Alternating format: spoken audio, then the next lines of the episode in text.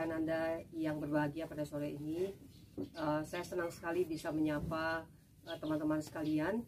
Uh, kali ini saya ingin membawakan sebuah topik yang barangkali uh, menarik buat Anda, belum tentu juga, tapi barangkali menarik, yaitu topik yang sekarang itu sedang ramai dibicarakan di dunia pendidikan, um, yang disebut dengan kebijakan uh, Merdeka Belajar Kampus Merdeka atau MBKM kebijakan ini baru saja dirilis oleh uh, Kementerian Pendidikan dan Kebudayaan waktu itu belum belum menjadi uh, Kemendikbudristek ya belum disatukan dengan uh, Kementerian Riset uh, dan Teknologi. Di sesi yang awal saya ingin membicarakan apa itu MBKM, apa sih Merdeka Belajar itu, uh, contoh-contohnya seperti apa supaya teman-teman semua bisa memahami esensi um, kebijakan tersebut. Dan tentu saja ini dari persepsi saya sebagai educators saya menjadi dosen di ITB cukup lama dan uh, um, ini adalah persepsi saya dan juga um, beberapa hal yang saya dapatkan juga ketika kita berdiskusi di Dewan Pendidikan Tinggi ya. Waktu itu uh, kami menjadi anggota di sana.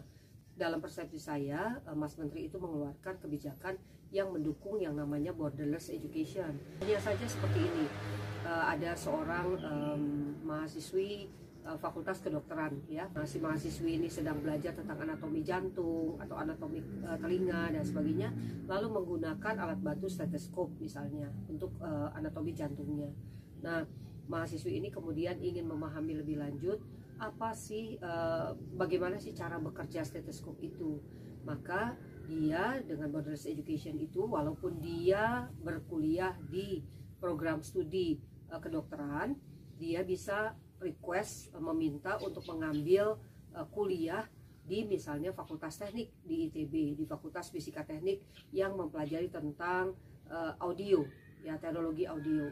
Mahasiswi tersebut beranggapan apabila dia mengambil mata kuliah di fisika teknik itu apakah dia mengambil kredit ataupun tidak dia akan bisa lebih memahami bagaimana fungsi dari stetoskop cara bekerjanya dan sebagainya yang kemudian bisa membantu dia lebih lanjut uh, untuk melakukan proses uh, uh, analisis anatominya dengan lebih baik.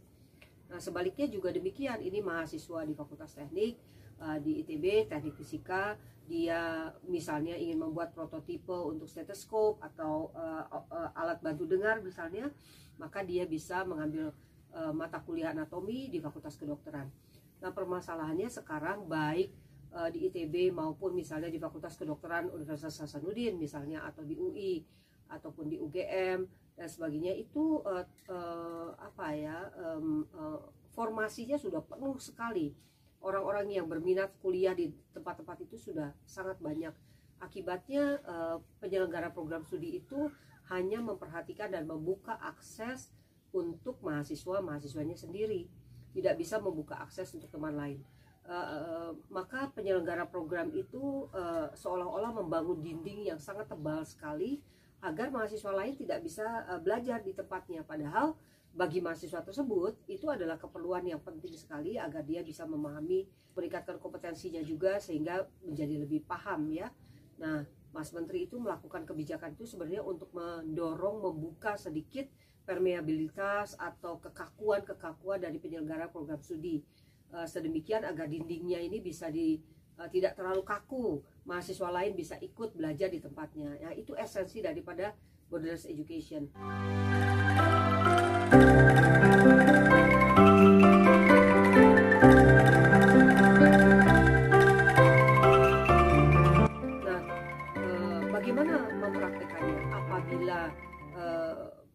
kondisi di Indonesia tidak memungkinkan. Tempatnya sudah sangat ketat sekali.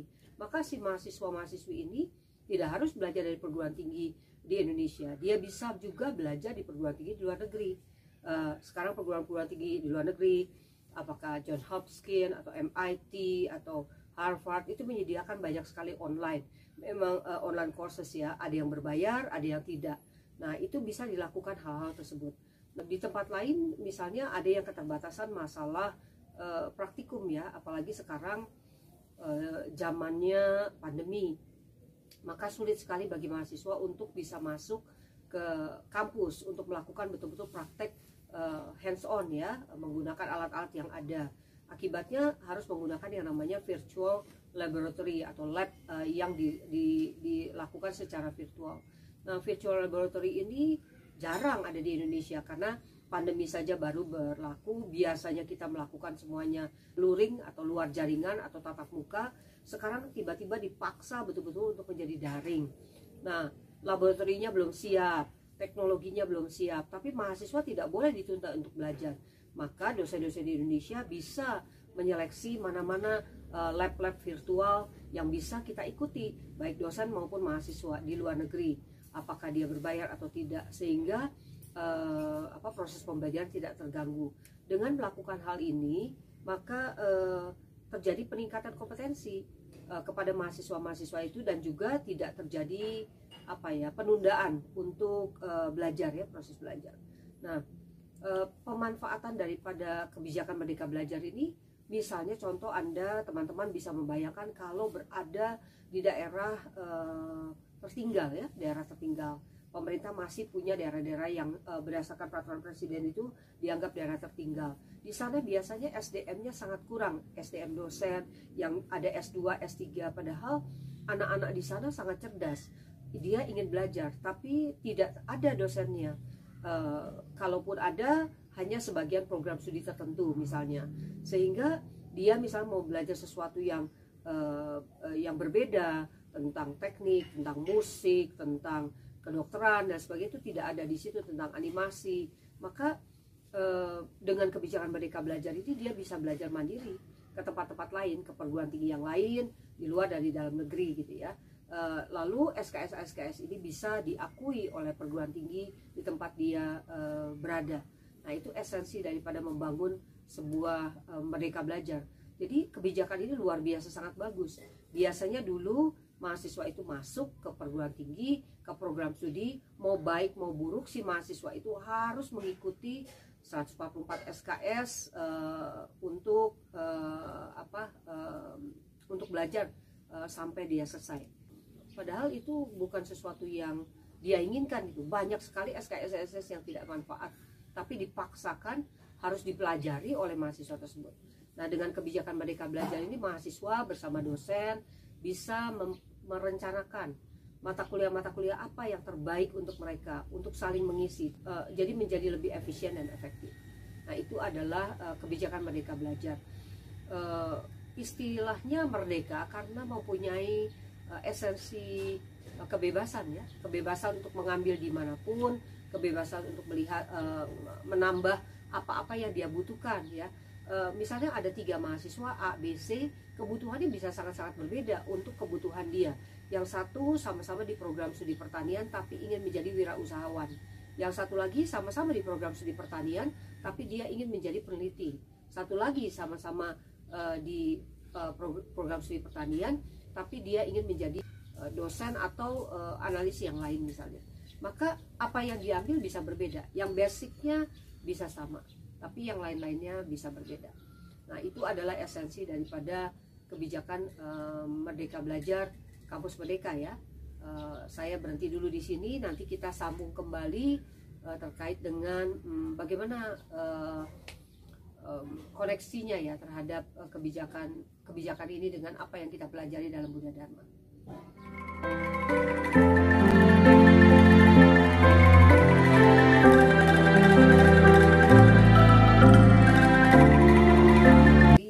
Sesi yang awal saya menceritakan apa sih itu kebijakan uh, Merdeka Belajar Kampus Merdeka yang sekarang sedang didorong oleh Mas Menteri untuk dilakukan oleh perguruan tinggi di seluruh Indonesia.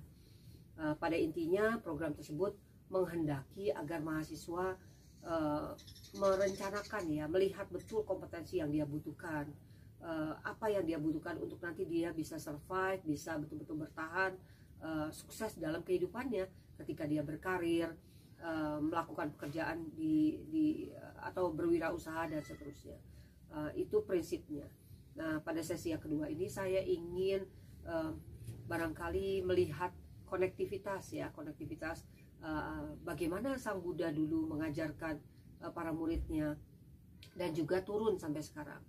Nah kalau saya memperhatikan uh, Guru Agung Buddha Gotama itu sudah uh, mempraktekkan kebijakan Merdeka Belajar Merdeka, uh, kampus Merdeka ini di zaman beliau hidup ya tahun 600 uh, tahun sebelum Masehi. Nah, bagaimana cara beliau mengajarkan? Yang pertama adalah uh, beliau merubah tradisi, ya tradisi-tradisi yang kurang baik, yang um, uh, tidak pas untuk kita meningkatkan spiritual itu dirubah. Seperti sekarang, Mas Menteri merubah cara-cara belajar, pola pikir yang terkotak-kotak itu supaya lebih bagus. Nah, yang kedua yang paling luar biasa dari Guru Agung Buddha Gautama adalah beliau mengajarkan uh, substansinya. Inilah dhamma, ada empat kesunyataan mulia. Kemudian cara untuk mengatasi duka dengan delapan jalan uh, delapan jalan delapan, uh, delapan jalan utama berluas delapan. Misalnya seperti itu. Tapi bagaimana cara kita mencapainya? Bagaimana proses lika-likunya?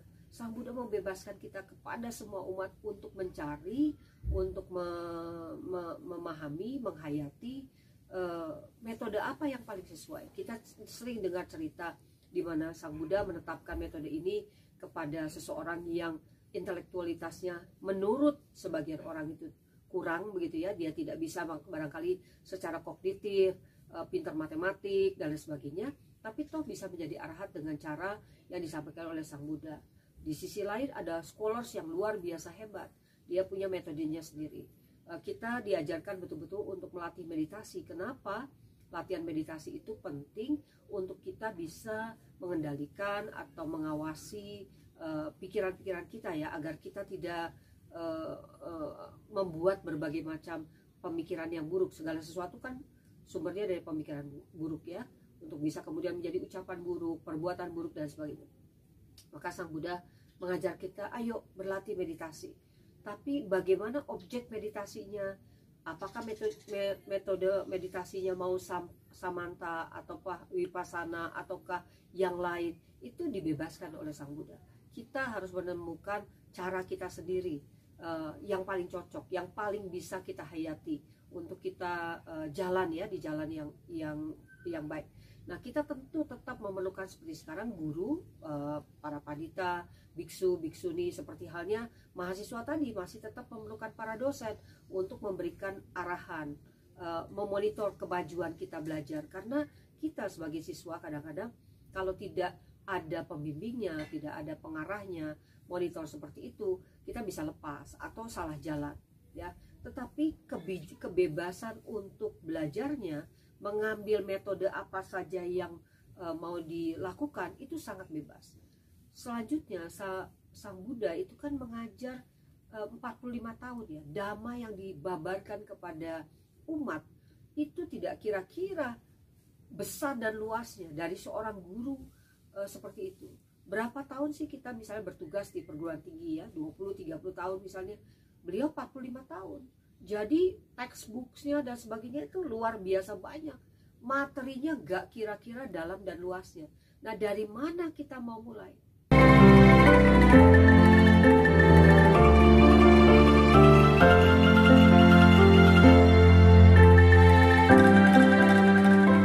Sang Buddha mengatakan ada yang basic, dasar, kita sebagai umat awam nomor satu belajar meditasi, yang kedua berlatih sila, pancasila. Tapi untuk naik setelah itu, wow, eh, kita semua diberikan pilihan yang luas, bebas, ya untuk kita bisa mengolah berbagai materi itu. Itulah sebenarnya kebijakan merdeka belajar tadi. Mana yang penting buat kita untuk menambah kompetensi? Kalau kita memerlukan untuk kedamaian ini, kita bisa membaca buku-buku. Kalau kita senang pada materi uh, uh, Zen misalnya, kita bisa lakukan itu. Atau ya, yang mana meditasi uh, Vipassana misalnya, itu bisa kita lakukan. Ya, itu kebijakan kebebasan yang luar biasa diberikan oleh guru agung kita untuk sesuai. Lalu pesan beliau ada dua yang kita dengar, sering dengar dan paling populer itu adalah Sang Buddha mengatakan tidak boleh percaya begitu saja terhadap berbagai informasi dan itu sangat benar karena nanti dengan kebijakan merdeka belajar ini mahasiswa itu dihadapkan berbagai macam informasi yang dia bisa pelajari sendiri di sosial media. Sama seperti kita sekarang dihadapkan oleh berbagai macam uh, YouTube, uh, informasi uh, tentang ajaran Buddha. Kita mesti betul-betul selektif juga betul-betul memeriksa apakah ajaran-ajaran tersebut bermanfaat buat kita dikaji sungguh-sungguh. Kalau benar adanya baru kita ambil kalau tidak tidak. Itu sama seperti sekarang mahasiswa mahasiswi kita belajar. Kalau mereka uh, tidak apa ya tidak benar-benar memahami uh, bagaimana cara mencari informasi yang berguna itu bisa tersesat itu dalam proses pencarian informasi. Lalu uh, masih ingat Guru Agung Buddha Gautama menceritakan tentang uh, memberikan pembabaran dhamma tentang ehipasiko uh, beliau mengatakan bahwa dhamma beliau itu bisa diolah dengan sehebat-hebatnya bisa dikaji oleh siapa saja dan tetap kemurniannya ada ya. Uh, kesuciannya ada kemurniannya ada dan sebagainya seperti emas yang murni itu. Nah kalau kita melaksanakan kebijakan mereka belajar itu uh, dalam hal ini uh, untuk mempelajari dhamma kepada ajaran sang Buddha itu kita harus mengolahnya betul-betul dan bisa melihat sampai kepada ya itu adalah kebenaran yang memang betul-betul tidak mungkin terbantahkan ya terbantahkan mengatakan bahwa misalnya kalau kita melakukan uh, pemikiran yang baik ucapan yang baik, perbuatan yang baik terus kita lakukan. Tidak mungkin kita mendapatkan keburukan. Karena segala sesuatu yang diproduksi oleh pikiran kita, ucapan kita, perbuatan kita adalah hal-hal yang baik. Nah, itu adalah salah satu uh, apa ya, uh, kemurnian yang bisa kita jalankan sebagai umat sehari-hari. Kalau kita belajar uh, empat kesunyataan mulia atau uh, jalan mulia berluas delapan mungkin bagi umat seperti saya ibu rumah tangga biasa itu sulit sekali. Tapi hal-hal yang basic tadi sudah bisa kita temui uh, emasnya ya dalam pembelajaran proses uh, yang dilakukan oleh uh, yang diberikan oleh sang Buddha. Nah mungkin itu saja uh, dari saya ya uh, saudara-saudara teman-teman semua. Ini sudah mulai gelap jadi saya akan hentikan videonya. Mudah-mudahan apa yang saya sampaikan ini um, ada manfaatnya. Silakan dikaji sendiri. Uh, kalau tidak ya ditinggalkan. Seperti pesan daripada uh, guru agung Buddha Gautama kita silakan dikaji diambil manfaatnya. Kalau tidak uh, ditinggalkan saja. Terima kasih. Selamat sore. Namo buddhaya